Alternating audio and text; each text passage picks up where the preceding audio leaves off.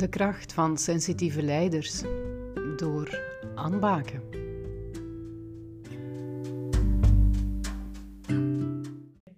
Dag Anne, goedemorgen. Heel fijn dat je uh, ja, een interview wilt laten doen in het kader van de kracht van de sensitieve leider.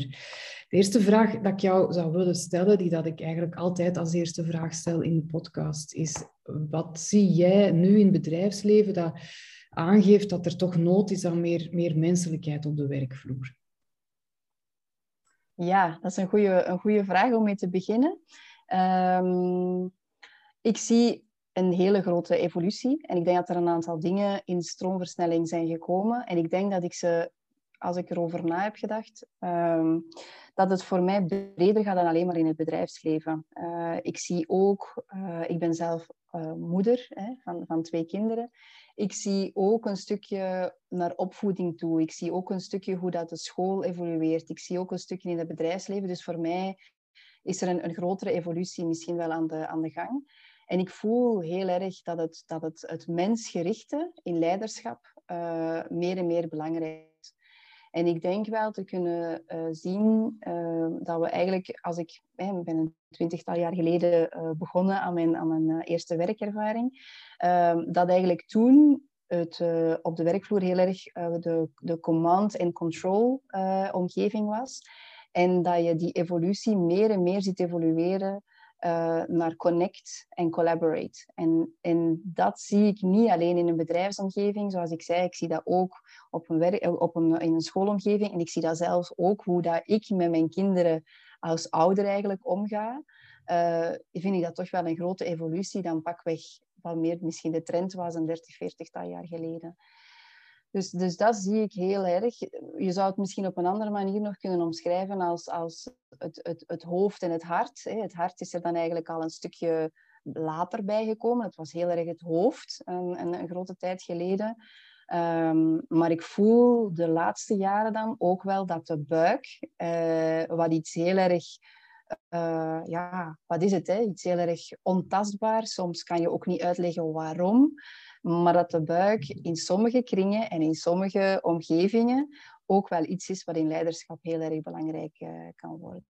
Mm -hmm. En kan je wat voorbeeldjes geven van wat dat, dat dan is met die buik, hoe dat, dat werkt juist, wat dat er dan ja. gebeurt? Ik denk dat uh, als, ik, als ik een stukje eh, ook lees wat, wat jij schrijft en een stukje mij verdiept heb in dat, in dat sensitief leiderschap, uh, dat het dikwijls iets is wat je voelt, wat je voelt in een organisatie, dat je voelt wat er speelt tussen, tussen mensen, uh, wat er echte bedrijf, wat de echte beweegredenen zijn tussen collega's of wat de echte veranderingen zijn of de echte noden zijn van je klant. En dat dat misschien dingen zijn die je soms voelt. Ik denk dat sensitieve mensen daar veel gevoeliger voor zijn dan anderen. Het misschien niet altijd analytisch, rationeel kunnen weergeven, maar eigenlijk wel er dikwijls heel erg juist mee zitten. Um, en dan is het denk ik ja, de, de kunst van eigenlijk een sensitieve leider om dat toch op een manier aan een minder sensitieve leider te kunnen vertellen, zodanig dat er wel een stukje geluisterd kan worden. Maar ik denk dat dat, ja, ik, ik voel het, ik heb het in mijn, in mijn buik, ik, ik voel het in mijn hart dat we dit moeten doen. Ik voel dat zo'n argumenten ook wel eens rond een directietafel of rond een managementteamtafel ook wel eens kunnen gebruikt worden. Terwijl ik denk dat, dat als ik kijk naar de start van mijn carrière, bijna, dat was geen argument. Dat, zo'n dingen wil je voor jezelf. -hmm. uh, en je probeerde het analytisch te, te, te rationaliseren voordat je het kon vertellen. Ja, merk je dat bij jezelf ook, dat je soms die uitspraken doet? Dat je zegt van ik voel het, of mijn buik zegt, of ja? Ja, en ik denk dat daar eigenlijk, ik ben uh, de laatste vijf jaar, uh, ben ik aan de slag geweest bij Medialaan, DPG Media, in een heel erg creatieve omgeving, uh, waar dat eigenlijk het een, ja, ik zou bijna zeggen, 100% mensenbusiness is. Ik was directeur radio. Um, waar je eigenlijk 120 hele enthousiaste, creatieve mensen hebben, die bijna per definitie mensgericht zijn, omdat het, omdat het bijna alleen maar een people is. Voor de rest heb je niks. Je, je, je maakt niet. Dus het is alleen maar dat menselijk kapitaal dat daar zo belangrijk is.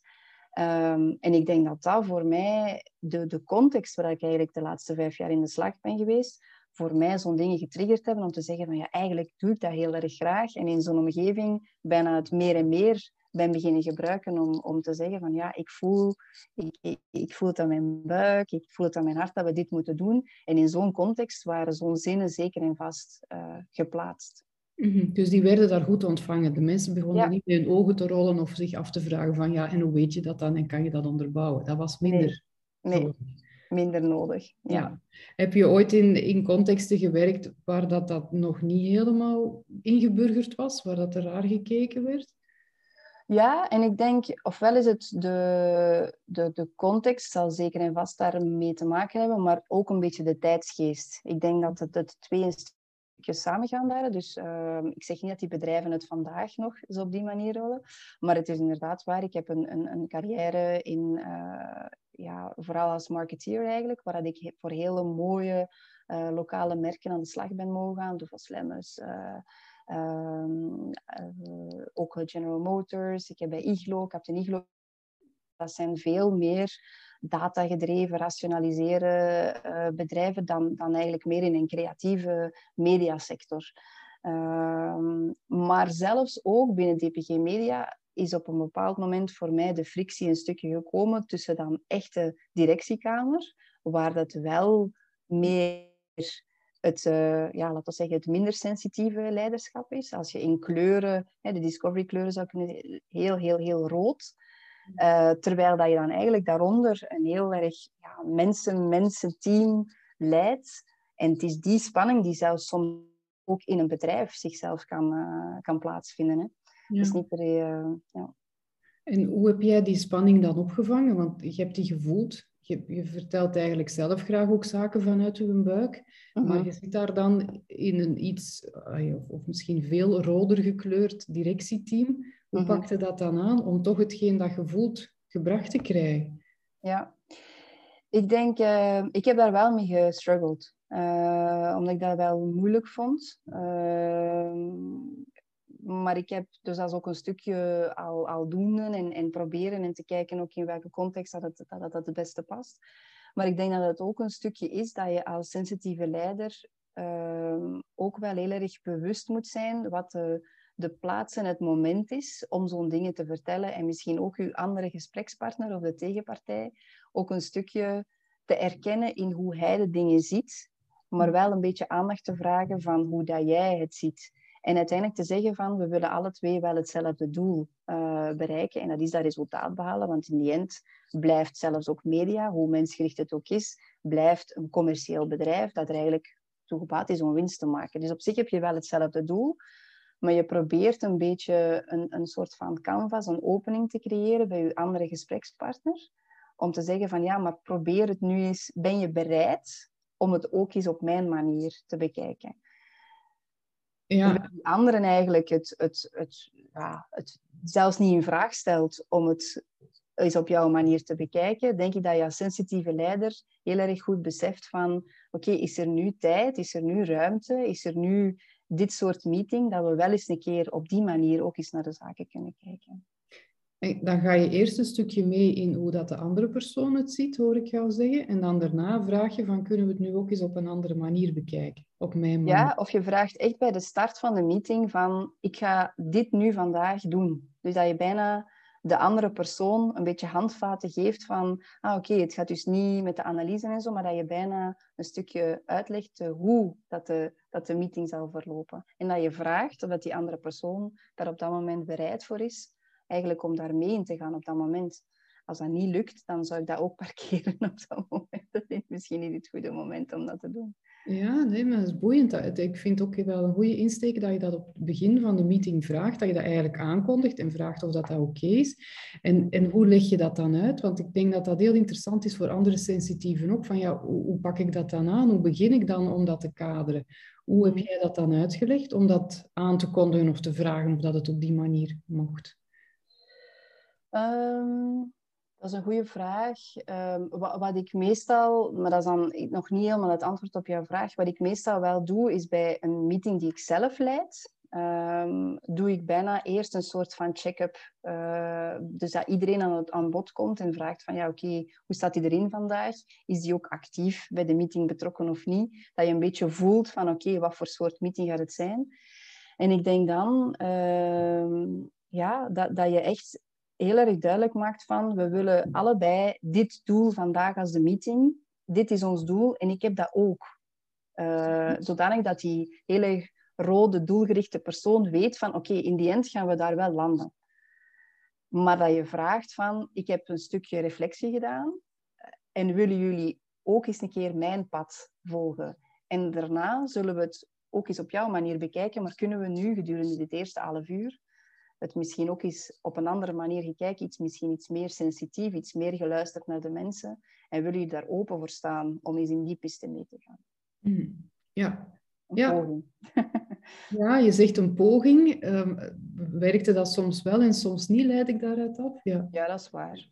Ja, dat klopt. en, en wat deed je dan als het niet ging? Dat niet doen op dat moment. Omdat je dan weet dat dat toch eigenlijk frustratie gaat opwekken. Uh, nee, dan is het dat niet. En dan is het misschien naar een ander moment. Of maar wel vragen, ik wil dat wel doen op een dag. Ik heb mhm. dat wel nodig. Misschien is niet nu het moment, maar ik wil dat wel doen. Dus geef mij dan aan wanneer dat dit soort dingen wel kunnen. Uh... Ja, oké. En dan ervoor zorgen dat het op een ander moment wel kan gebeuren. Dus het is eigenlijk toch echt wel opkomen voor wat, waar dat jij nood aan hebt om het ook op die manier te brengen. Ja, ja en je bent daarin, ik zeg het in die, in die laatste vijf jaar, je bent daarin gerugsteund door, je vertegenwoordigt ook een heel team daarmee. Hè? Mhm. En dat is wel, als, je, dat, als de andere persoon hè, tegen jou zegt van ja, nee, we leggen dat volledig naast ons leer, neer, dan, dan, dan is die eigenlijk ook een, een bepaald team afvallig hè, op dat moment. Hè. Dus daarom denk ik wel, ja, het gesprek moet plaatsvinden. En je bent eigenlijk de stem van een, van een team dat je vertegenwoordigt. Oké, is dat dan eigenlijk de gedachte dat je hebt waardoor dat je zo'n dingen op die manier durft brengen? Van ik ben hier de vertegenwoordiger van het team. Is dat hetgeen dat jou helpt om daar toch voor te gaan op die manier?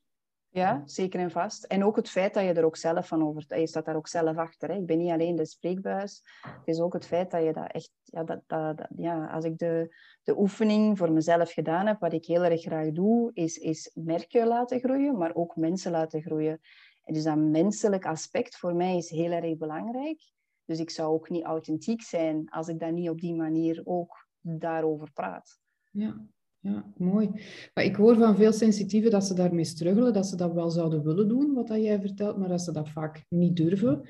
Mm. En daarom dat ik het zo boeiend vind om te horen van welke gedachten heb jij die maken dat jij het dan wel durft. Dus ik hoor jou zeggen, ik, ik vertegenwoordig een team, ik vind die menselijkheid zo belangrijk, ik wil authentiek zijn. Zijn er nog zaken die jou helpen om, of gedachten dat je hebt, waardoor dat je mogelijk eh, ja, over je initiële twijfel om het te doen kan heen stappen?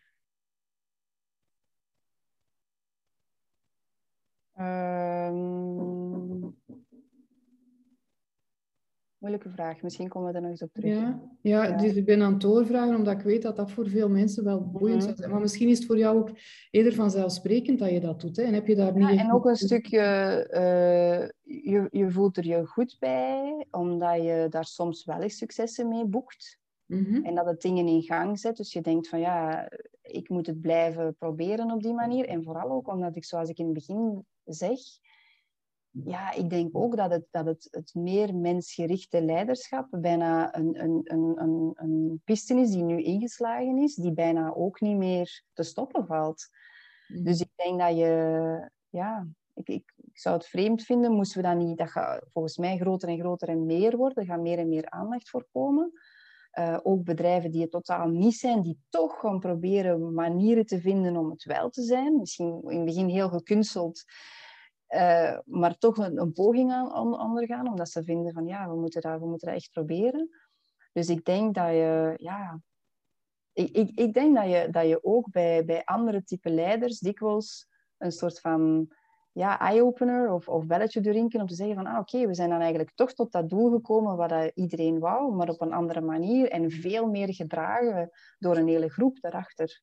Mm Oké, ja, ja, dat is ook zeker. Dat, dat, dat gebeurt dan ook als je het op die manier doet. Ja.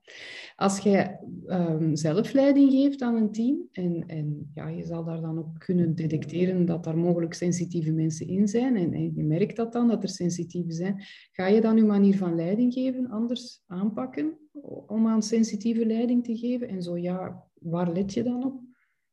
Ja, ik denk um, dat er uh, voor mij, als ik dan even naar mijn persoonlijke levenssfeer, ik heb een, eh, een zoon van 11 jaar, die flirt zo met het hoogsensitieve. Um, we hebben dat eigenlijk zo een, een, jaar of vijf, zes geleden uh, ja, ontdekt, is een groot woord, want het is niet een bepaald label of zo, maar je begint er dingen over te lezen. We zijn ook eens een keer naar een workshop gegaan.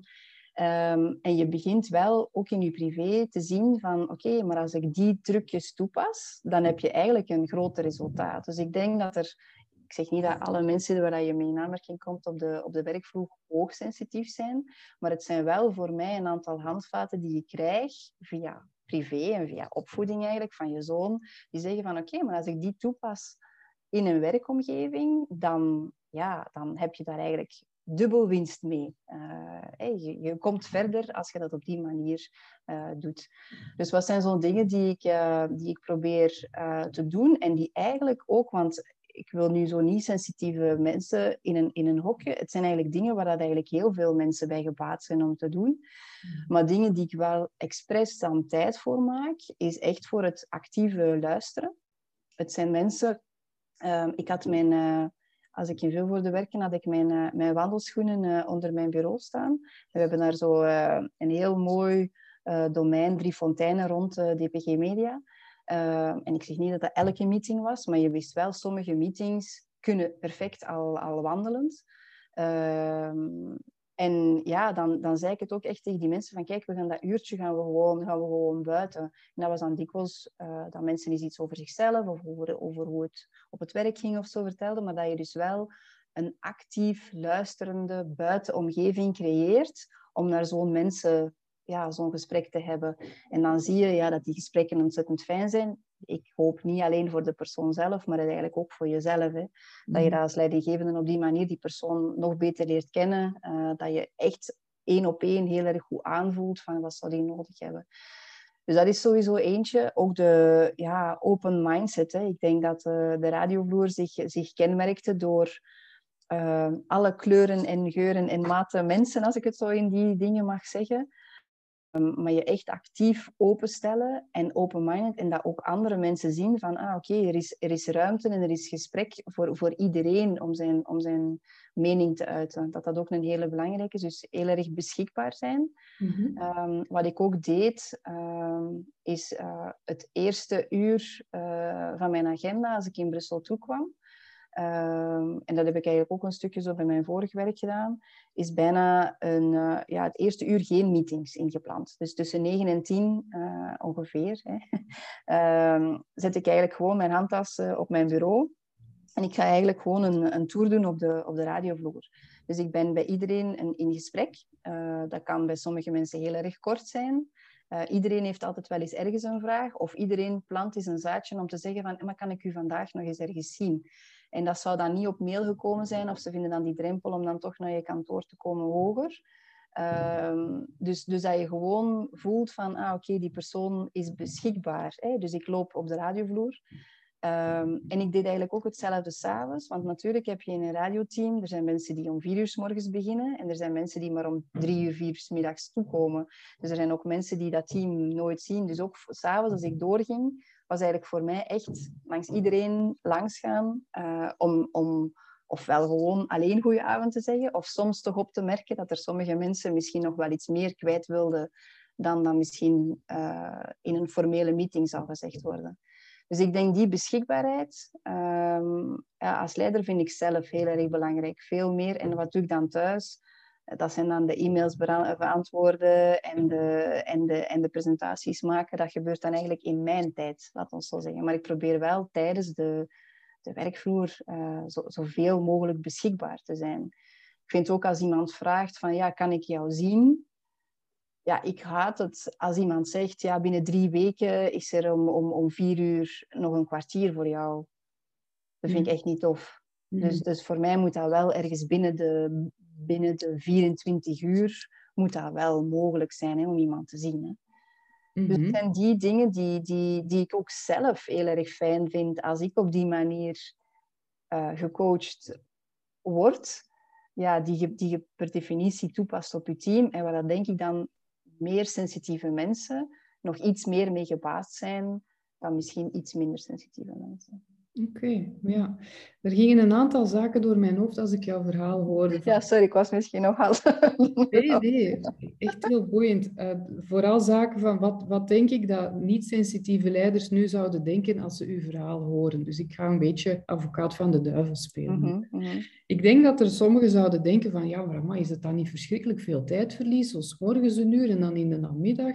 En dan als die mensen een vraag hebben, dan maakte jij daar direct tijd voor vrij.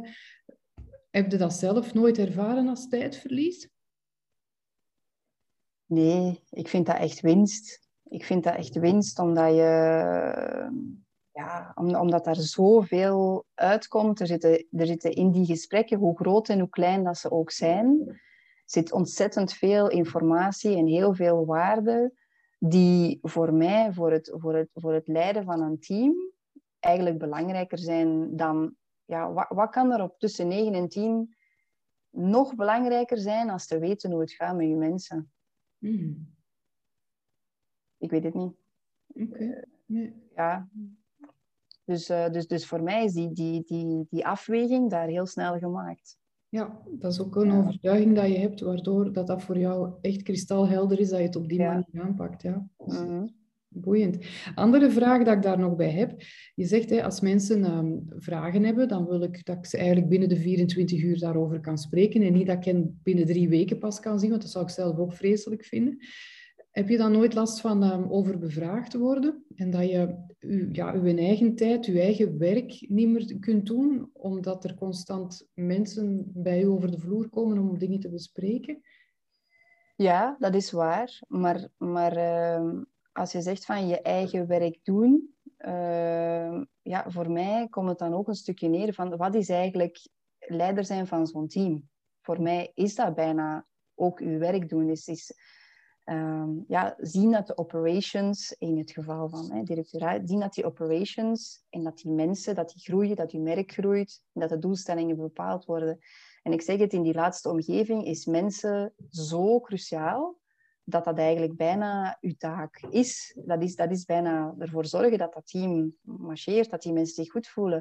Er is niks zo erg. Ik zeg, het is heel specifiek, hè, maar eigenlijk denk ik dat je het ook naar een, naar een niet-creatieve omgeving kan door. Er is niks zo erg dan een DJ die met een vraag zit en die zich niet goed voelt of die even iets wil zeggen. En die een uur later op antenne zit en die eigenlijk ja, tussen, tussen, met zijn stem en wat hij zegt uh, 400.000, 500.000 luisteraars, dat je voelt van, hm, die is precies niet goed in zijn vel vandaag. Dus ja, dan denk ik van, dat is eigenlijk het allerbelangrijkste om te doen uh, op dat moment, dat hij dat die zich binnen de mate van mogelijk, dat hij zich het meest optimaal voelt. En uiteraard zijn er in die zijn hoofdbeslommeringen over thuis en meetings die komen en zo. Maar wat ik zou kunnen doen, vind ik wel dat ik zou moeten doen om ervoor te zorgen dat hij zich zo meest optimaal mogelijk zou kunnen voelen. Oké, ja, ja, begin het plaatje te zien. Oké. Blijft voor mij wel de vraag, ik hoor van veel sensitieven, uh, omdat ze zo bereikbaar zijn of zo beschikbaar zijn en ook zo ondersteunend zijn, want dat mhm. is vaak een kwaliteit van sensitieven, dat ze daardoor merken dat, ja, dat ze, wat hij ook zegt, hè, presentaties nog s'avonds moeten zitten maken uh, of ander werk nog moeten doen als ze eigenlijk zouden willen ontspannen. Um, waardoor ja, dat hun, hun balans, hun energiebalans er soms wat onder leidt. Hoe pak mhm. jij dat aan dat je voor jezelf ook nog tijd hebt? Ja, ik denk dat daar twee dingen zijn. Eén ehm, is dat uh, ik denk dat dat ook een stukje uh, kenmerkend is voor sensitieve leiders, dat ze heel erg ja, dedicated zijn. Hè? Dus het is mhm. echt focus. Dus voor mij is die job en mijn gezin privé. Maar dat is eigenlijk de focus, daar gaat het om. Dat is niet nog twintig randactiviteiten, want dat lukt ook niet. Uh, ik zeg dat dikwijls tegen mijn ouders ook, het is werk en gezin. En dat is het. En daar past dat in.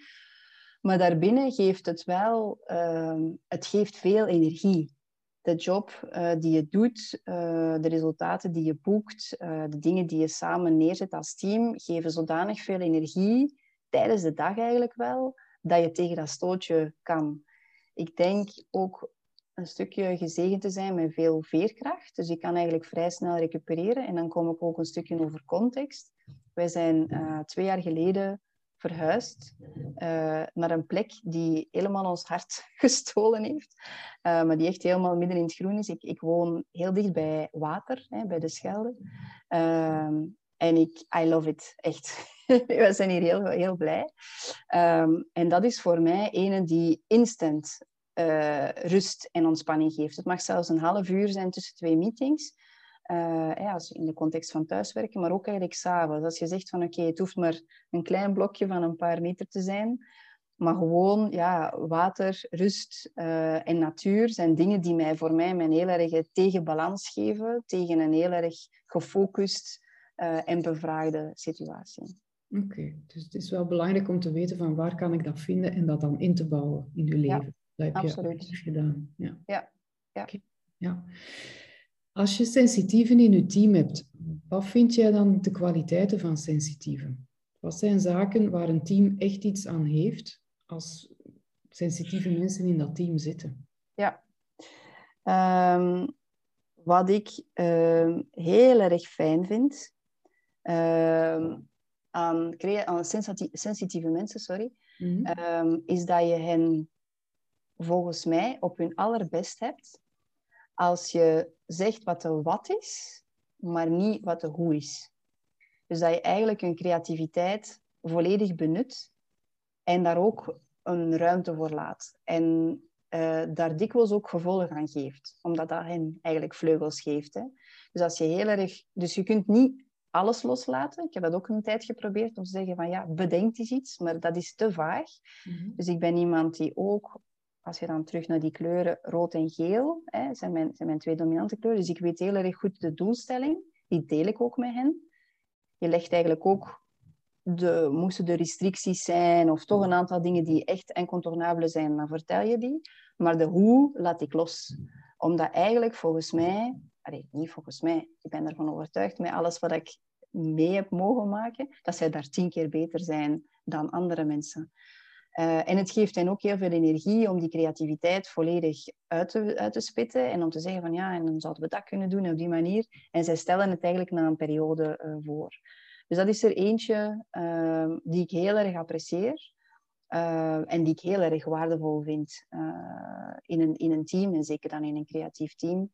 Waar je eigenlijk constant moet komen met nieuwe ideeën. Maar ik denk dat dat nu in de veranderende businesswereld ook constant gevraagd wordt eigenlijk. Hè. En dat is iets dat je echt ziet als een kwaliteit van sensitieve mensen. Die ja. uh, creativiteit, die, die nieuwe ideeën inbrengen, dat is iets ja, ja. dat je bij hen opmerkt. Um, dus zij komen dan met ideeën waar de andere mensen niet direct aan zouden denken. Is het ja. die manier dat we het best interpreteren? En zien verbanden, uh, nemen, daar ook, nemen daar ook de ruimte voor om dat te zien, om dat echt uit te werken. Uh, dus dat zie ik daar vooral in. Ja. En lukt dat dan als je dat gewoon in een meeting vraagt? Nee. Of hoe pak je dat aan? Apart. Ja, apart. Wel ja. hoe, dat je dat dan aanpakt om dat creatief proces bij hen op gang te brengen.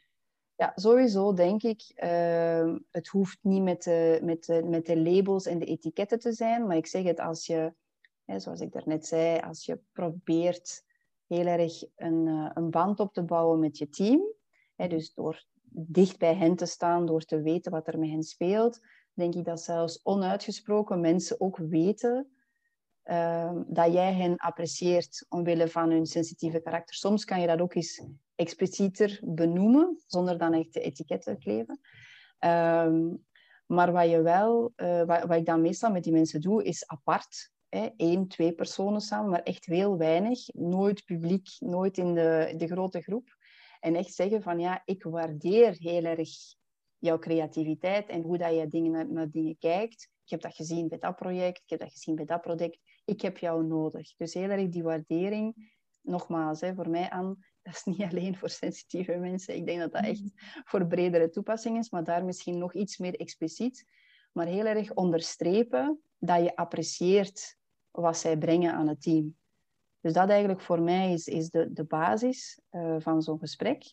En dan eigenlijk uitleggen van, kijk, ik zit hier vast, ik, ik zoek nieuwe manieren om het te doen, dat zou ik graag willen doen. Nu is het aan jou, wat heb je nodig als resources? Waar kan je alleen? Heb je nog meerdere mensen nodig? En ik zou dat op termijn, binnen een week of zo, op die manier terug willen zien.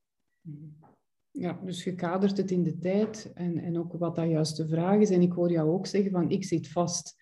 Dus ja. is eigenlijk ook een hulpvraag. Of eh, aangeven van, ik weet het zelf niet. Ik ga echt beroep doen op, op jouw expertise hier rond. Ja, en voor mij, maar ik zeg het nog daar, dat heeft, dat heeft niks met sensitief leiderschap te maken. Maar wat ik heel belangrijk vind, is in ja, gelijkwaardige gesprekspartners. Hè. Het is niet de baas die vraagt om eens iets te doen. Uh, ja, je probeert echt van, we hebben samen, we hebben bijna samen een probleem. Oké, in die end heb ik vooral een probleem. we hebben bijna samen een probleem. En, en ja, die gelijke hoogte, dat merk ik ook heel erg met mijn zoon dan. Hoe meer het gesprek niet van de moeder met de elfjarige is, maar gewoon we are equal. En ja, we hebben een andere vocabulaire en ja, we hebben andere ervaring. Maar hoe meer het op gelijke hoogte komt, hoe waardevoller het gesprek en de output kan zijn. Mhm. Ja, dus die gelijkwaardigheid is een belangrijke waarde. Voor ja, zeker en vast. In het zeker en vast. Zijn er naast het, het creatieve aspect nog andere zaken dat je merkt als er sensitieven in een team zitten, dat zij als toegevoegde waarde kunnen brengen? Ja, ik ga misschien nu een beetje een, eh, een, een, een, een open deur, hè. Dat, dat zal jij misschien nog op andere gesprekken ook al. Maar voor mij zijn ze echt eh, de, de Canaries, hè. De, de, de Canaries in de, in de mijn. Ehm, het, hoe dicht je ook probeert bij je team te staan, er zijn altijd dingen die jou ontsnappen of die dan toch niet bij jou komen of die dan toch niet gezegd worden. Uh, als er zondanig uh, vertrouwen is van die meer sensitieve mensen in je team met jezelf, dat ze niet voelen van oké, ik ben de verklikker. Dat mag nooit het gevoel zijn, maar ze voelen echt wel nog andere dingen die niet tot bij jou komen. En als die gedeeld worden en als zij voelen dat daar ook op een heel respectvolle manier mee omgegaan wordt. En dat het niet is van, ja, maar ja, wie is gaan vertellen bij de baas. Hè? Want sommige mensen, hoe dikwijls dat je ook je best doen, maar zien je nog altijd wel zo. Maar dan echt voelen van, ah, oké, dat is op een manier toch bij haar terechtgekomen. En er is dan wel eigenlijk naar gehandeld geweest. Ja, dan denk ik dat zij... Ja, dat, dat eigenlijk er meerdere partijen op dat moment bij winnen. Hè? Dus voor mij zijn ze, zijn ze die, die echt de... Ja, die supersnel ook bij bijvoorbeeld hè, als je een, eh, een organisatiewijziging eh, aankondigt of toch valt er een keer uh, ontslagen of zo. Ja, het zijn mensen die ik heel dicht bij rond mij wil hebben om zo te, uit te spreken wat misschien anderen nog niet durven zeggen. Dat je heel erg voelt van oké, hoe, hoe schat jij het in? Hoe, wat denk jij dat we, dat we moeten doen? Wat niet wil zeggen dat zij de beslissingsnemers zijn, maar ze geven wel heel erg waardevolle input. Mhm. Ja, sensitieve worden dikwijls, of krijgen dikwijls de metafoor van adviseur te zijn. Ja. Dan, dan hoor ik ook in, in wat dat jij vertelt, dat je ze dicht mhm. rond jou wilt om input te krijgen. Zij zien dingen die anderen misschien pas later gaan zien, of ze voelen ja. zaken aan, en dat je die input er dan mee hebt. Ja. ja, zo de wingman, hè? een beetje wingman. En daar ook een stuk voor erkend worden. Hè? Niet mhm. per se publiekelijk, maar wel zo wetende van, ah, oké, it does matter wat ik zeg. En dat dat wel een hele belangrijke is. Ja. En het is ook heel waardevol, hè? Ja, tuurlijk. Heb je dat zelf ooit mogen ervaren, dat jij um, daarvoor erkend werd? Dat, dat jij zaken aangaf van, hou daar of daar rekening mee? En dat je dan voelde van, ja... Ja, uh, zeker en vast wel. Uh, een stukje met mijn, uh, met mijn, met mijn leidinggevende uh, dan, die, die ontzettend veel teams te managen had en die niet die mogelijkheid had om zo dicht bij de teams te staan. Dus het was eigenlijk, ook als ik een meeting met hem deed, uh, zo wat aan de one-to-one of de statusmeeting of zo, begon ik eigenlijk eerst, een heel ook een, een groot stuk voor mij was people en wat er speelt. Um, dus ik zette dat zelf als eerste punt op de agenda, want er was eigenlijk geen agenda. Dus je moet zelf dat uur invullen. Maar ik begin met people en wat er speelt. En ja, ik denk dat dat heel erg... Uh, ja, ik zou dat zelf heel erg... En dat werd ook geapprecieerd op die manier, omdat je dan eigenlijk op een heel snelle manier toch voelt waar dat eigenlijk de gevoeligheden liggen of waar je potentieel issues zou kunnen hebben. Hè. Mhm. Veel sensitieven vertellen mij van ja, ik zou dat wel willen doen, maar mijn baas die vindt dat belachelijk of die luistert er niet naar of die heeft daar geen tijd voor of wat de redenen dan ook zijn. Mhm. Waar raad je die mensen aan om te doen? Ja, het, het toch blijven doen en misschien eens over, over hetgeen wat jij nu net aanhaalt, daar is een gesprek over te hebben. Waarom uh, is dat niet belangrijk voor jou? En hoe kunnen we ervoor zorgen dat ik toch mijn ding kan zeggen? Want it does matter voor mij. Maar dat we het wel alle twee gemeenschappelijk interessant vinden dat het gezegd wordt. Ja. En misschien als ik toch eentje, want ik vertel het nu heel uh, positief en ik ben het ook blijven doen, maar als ik het wel in alle kwetsbaarheid kan delen, op een bepaald moment is ook het gesprek geweest van die leidinggevende naar mezelf toe, van ja, Anne, je bent heel erg de moeder van de radiovloer. Uh, maar ik heb nood nu aan een vaderfiguur. Dat was zijn metafoor om eigenlijk te vertellen dat hij misschien ja, het op een andere stijl of, of uh, en ik vind dat wel een hele moeilijke. Dus uiteindelijk, ik zeg het, ik, ik, probeer dat dan op die manier te zeggen, maar, maar, maar die werd dan wel ook eens naar mij teruggekaatst. Van ja, oké, ik snap heel erg wat je doet, maar het is te, te, moederend. Ik heb een, een, een soort van gezinshoofd. Ik heb een vaderfiguur daar nu nodig. En dat heeft dan uiteindelijk ook geleid dat onze wegen gescheiden zijn. Ja, omdat dat voor jou eigenlijk niet paste bij, bij jouw stijl. Dat je dan niet, ja. ja, en ook voor hem niet meer paste met wat hij zocht op dat moment. Ja, oké. Ja. ja, en dat komt dan wel binnen natuurlijk, hè? Ja. ja juist omdat je die moederfiguur bent en omdat je wilt mm. zorgen en dan word je daar eh, van weggetrokken. Ja. Of gezegd dat dat op dat moment niet meer past. Dat, uh, dat is ook uh, iets van tijd en, tijd en context hè, op dat moment. Mhm. dus, uh, dus ik zeg het, ja, je, je, ik, ik zou er toch nog altijd voor streven om het wel te doen. Omdat ik zeg, zoals ik in het begin zei, het is voor mij zo authentiek en zo belangrijk. Ehm, dat ik het ook niet anders zou kunnen doen. Mhm. Je kan niet vragen aan een moeder om ineens een vader te zijn. Dat is moeilijk, hè?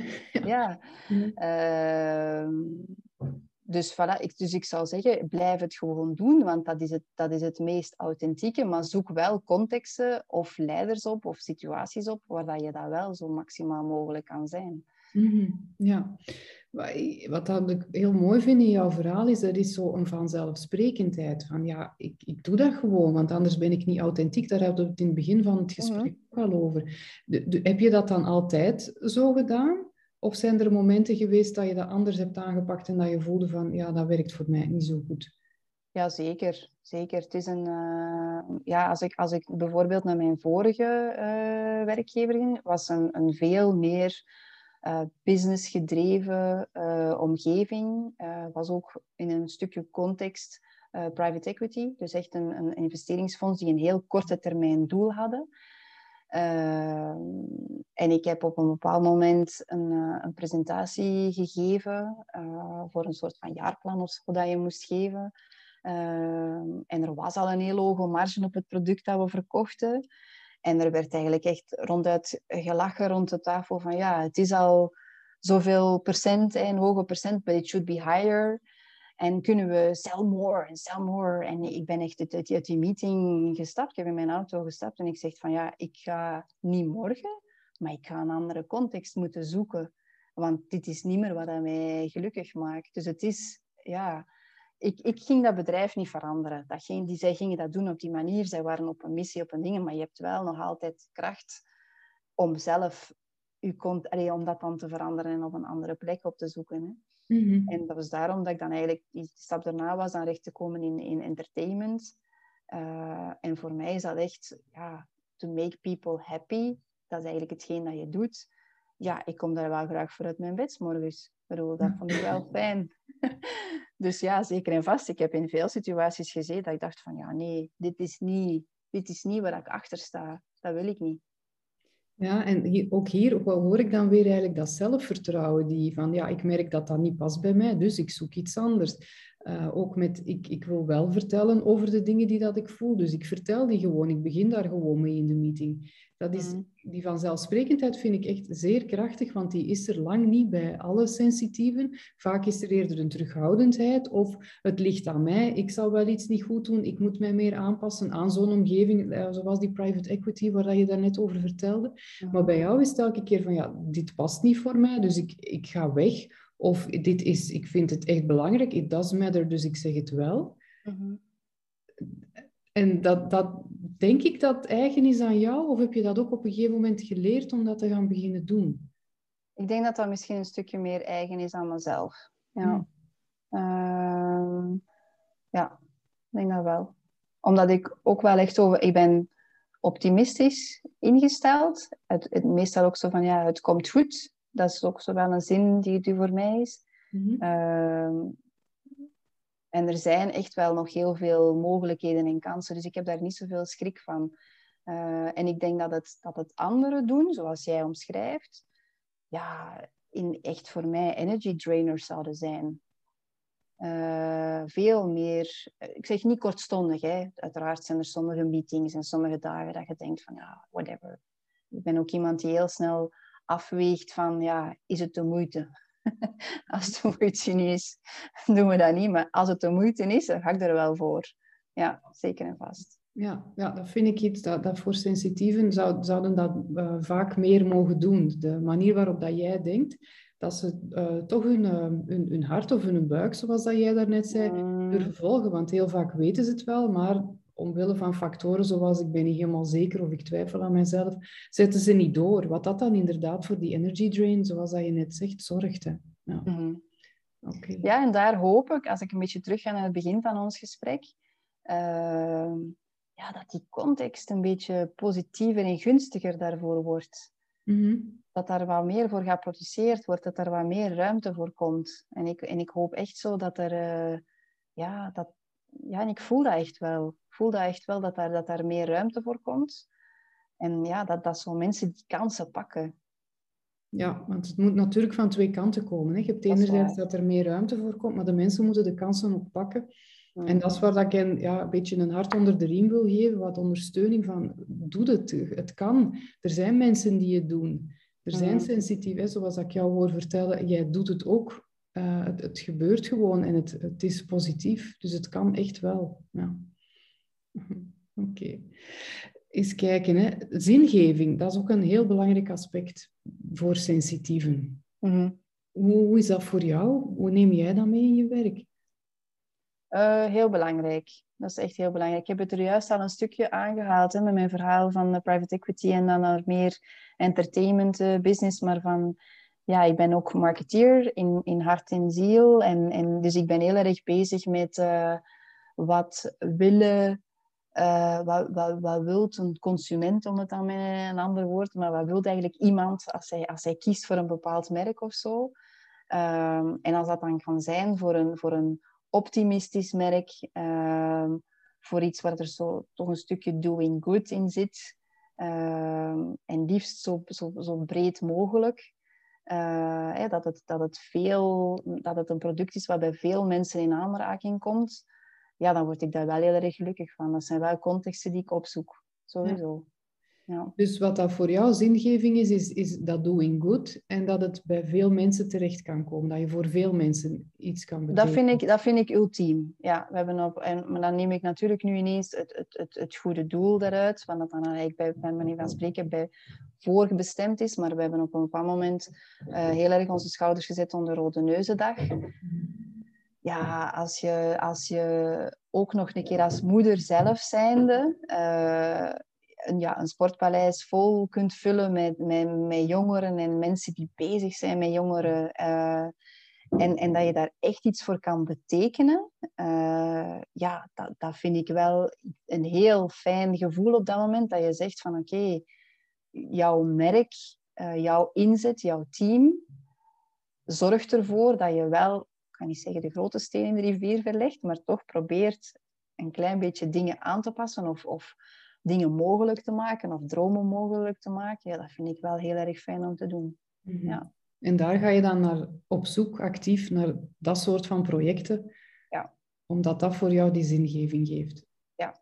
En dat je daar uh, s morgens gelukkig van uit je bed stapt en zin hebt om je werk. Ja, ik denk dat, dat, dat, dat je dat wat je zegt, hè, iedereen wil... Ja, wat, wat, ik heb er ook een stukje over nagedacht van ja, maar waarom werk je eigenlijk? Wat, wat, wat, of wat betekent werk voor mij? En uiteraard zit daar een stukje uh, structuur in, wat, dat, wat dat voor mij ook wel werkt. Uh, structuur en er zitten een stukje financiële dingen in, maar ook zeker voor mij zingeving. Dat is heel belangrijk. Ik zou niet eender wat kunnen doen. Dat, dat, dat werkt niet voor mij. Het is wel, wel echt belangrijk om te weten waarom en, en, en, en wat doet dat dan.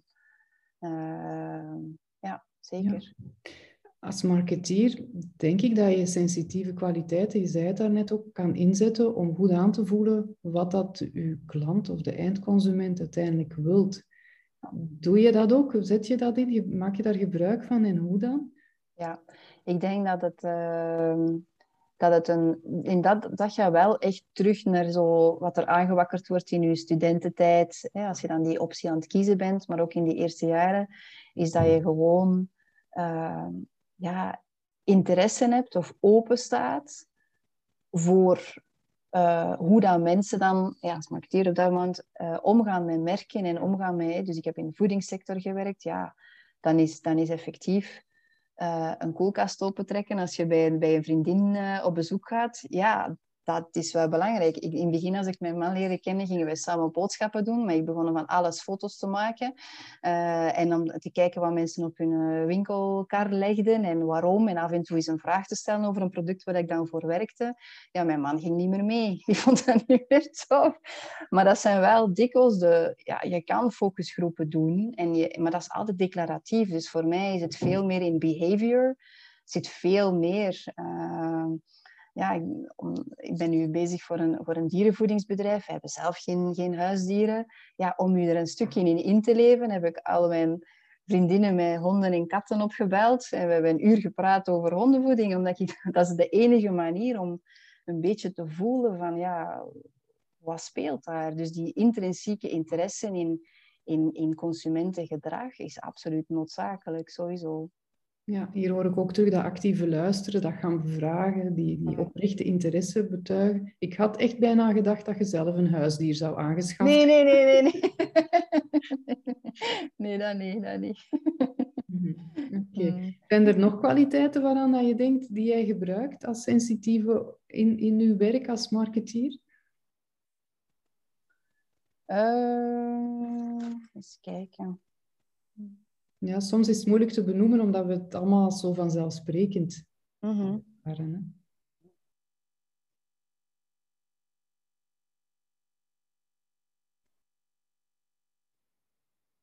Nee, ik denk dat we al heel veel hebben aangeraakt. Ja, zeker en vast. Zit er soms iets, ik, ik vraag het maar, hè, een, uh, een soort van ja, voorgevoel, intuïtie van ik denk dat die markt naar die of die kant gaat evolueren en Misschien is het wel interessant dat we daar al op inspelen nu. Heb je dat soms ook? Ja, zeker. Maar dan denk ik wel voor zo'n beslissingen, dan komt bij mij ook wel een stukje het, het, het rodere aspect. Dan zal ik er wel alles aan doen om dan analytisch ook dat te onderbouwen. Omdat ik denk van, dan ga ik op zoek naar wat speelt er in andere markten, waar is een andere, hè, zijn er trendsrapporten of dingen die toch rationaliseren wat ik voel omdat ik daar wel heel erg besef van, ja, je gaat niet een bedrijfsleider uh, meekrijgen omdat je eens vijf mensen gesproken hebt. Uh, en, om, en, omdat je voelt in je buik dat dat misschien een goed idee zou zijn. Hè. Dus ik denk dat daar dan wel, ja, er moet dan wel... Maar het geeft wel hypotheses.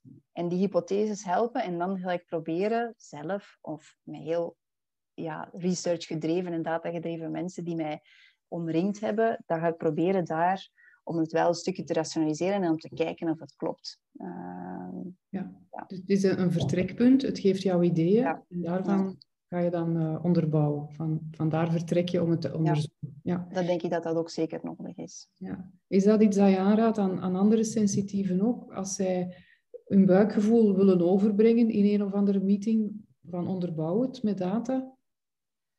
Het helpt. Het helpt sowieso, omdat ik denk dat we in die, zoals ik in het begin zei, die, die, um, van, van de situatie van die control en comment van waar we komen, die, die is nog, dat is het, het een beetje ambigu op die werkvloer. Dus, dus, dus ja, als je je slag wilt thuishalen, dan zul je dat toch op een bepaalde manier nog in die transitie... Allee, het zal altijd een stuk blijven. Ik denk dat we niet 100% gaan overslagen van ik denk en ik voel en we gaan dat doen. Uh, er, hangt te veel, er te veel belangen vanaf. Dus ik denk hoe meer dat je toch op een bepaald moment ook voor jezelf hè, kan rationaliseren, zodanig dat je ook checks krijgt of dat je buik het goed doet. Uh, dus ja, ik denk wel, waar mogelijk, doe dat zeker, sowieso. Ja. Dan, ik hoor jou zeggen dat het helpt ook om dan meer te gaan vertrouwen op je buikgevoel. Ja. Dan merk je dat het wel klopt. Ja. Ja. ja, denk ik zeker. De combinatie van... Een klein beetje een sprongetje in jezelf, hè, dat je denkt van kijk, ik dacht dat en dat werkt. dat is goed. Ja. De combinatie van de twee is heel krachtig. Hè? Ik denk dat daar leiders meer en meer naartoe mogen evolueren, dat ze dat meer durven gaan inzetten. Ja. Sowieso. Oké. Heb jij verder nog um, bepaalde tips of, of ideeën of, of, zaken dat je wil meegeven aan sensitieve mensen, sensitieve professionals om een, een hart onder de riem te geven? Ik denk sowieso, als ik kijk naar, naar, eh, naar leiderschap, uh, wat ik heel erg fijn vind, allee, of wat ik denk dat, dat, dat er een, een grote ruimte is, is voor, voor positiviteit, voor optimisme. Ik denk dat dat ook een beetje de tijdsgeest is op dit moment. Uh, er zit zo wat wind in de, in de rug op dit moment, maar neem die ook en gaat daar ook in mee. Het authentieke is voor mij heel erg belangrijk. Uh, en daarom ook probeer je niet anders te zijn dan dat je bent. Uh, maar geloof daar heel erg in en, en, probeer heel dicht te blijven bij jezelf. Mm. En zoals je daarnet ook wel aangaf, van ja, het zal niet altijd perfect zijn. En, en er, zal een, er zal eens een, een, een moment van, van falen en sommige meetings lukken niet en andere wel, maar blijf dat wel gewoon proberen en pak ook die kans. Pak ook die, die ruimte, want het is echt wel belangrijk dat er ook naar jou geluisterd wordt rond de tafel. Uh, maar er zit ook een stukje durf en een stukje kracht bij jezelf om te doen.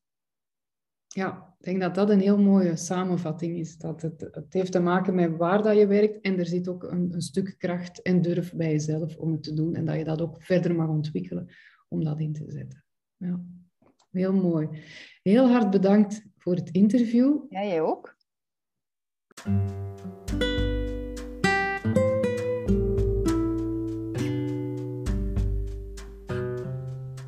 De kracht van sensitieve leiders door Anne Baken.